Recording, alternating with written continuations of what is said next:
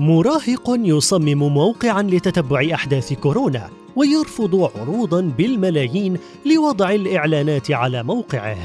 فما هي قصته؟ قام مراهق أمريكي بإنشاء موقع إلكتروني لتتبع أحدث الإحصاءات والبيانات المتعلقة بانتشار فيروس كورونا المستجد حول العالم.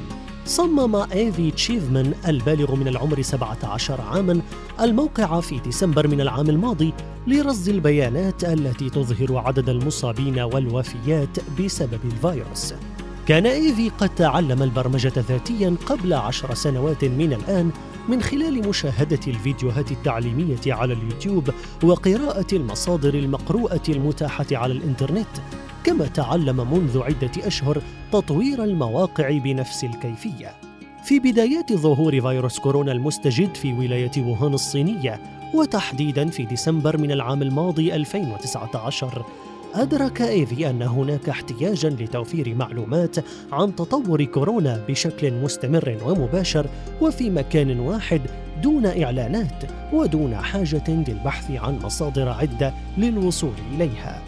فقرر أن يصمم الموقع الذي يقوم تلقائيا بجمع وتحليل بيانات حول الفيروس التاجي من مواقع منظمة الصحة العالمية والسلطات الصحية الوطنية ويتم تحديث البيانات عن المصابين والوفيات كل دقيقة في حين أن معظم المواقع الأخرى تحدث البيانات عدة مرات في اليوم.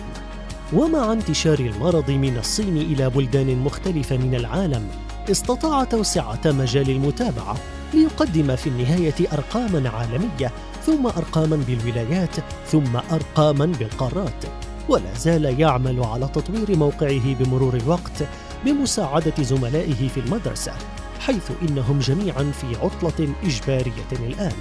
وكشف تشيف من أنه خلال الشهر الماضي قام بزيارة الموقع نحو مليون شخص موضحا أنه في الثاني من أبريل بلغ عدد الزوار أكثر من 250 مليون زائر. وقال بسبب الزيارات الكثيرة اضطررت لزيادة حجم تبادل المعلومات على الخادم.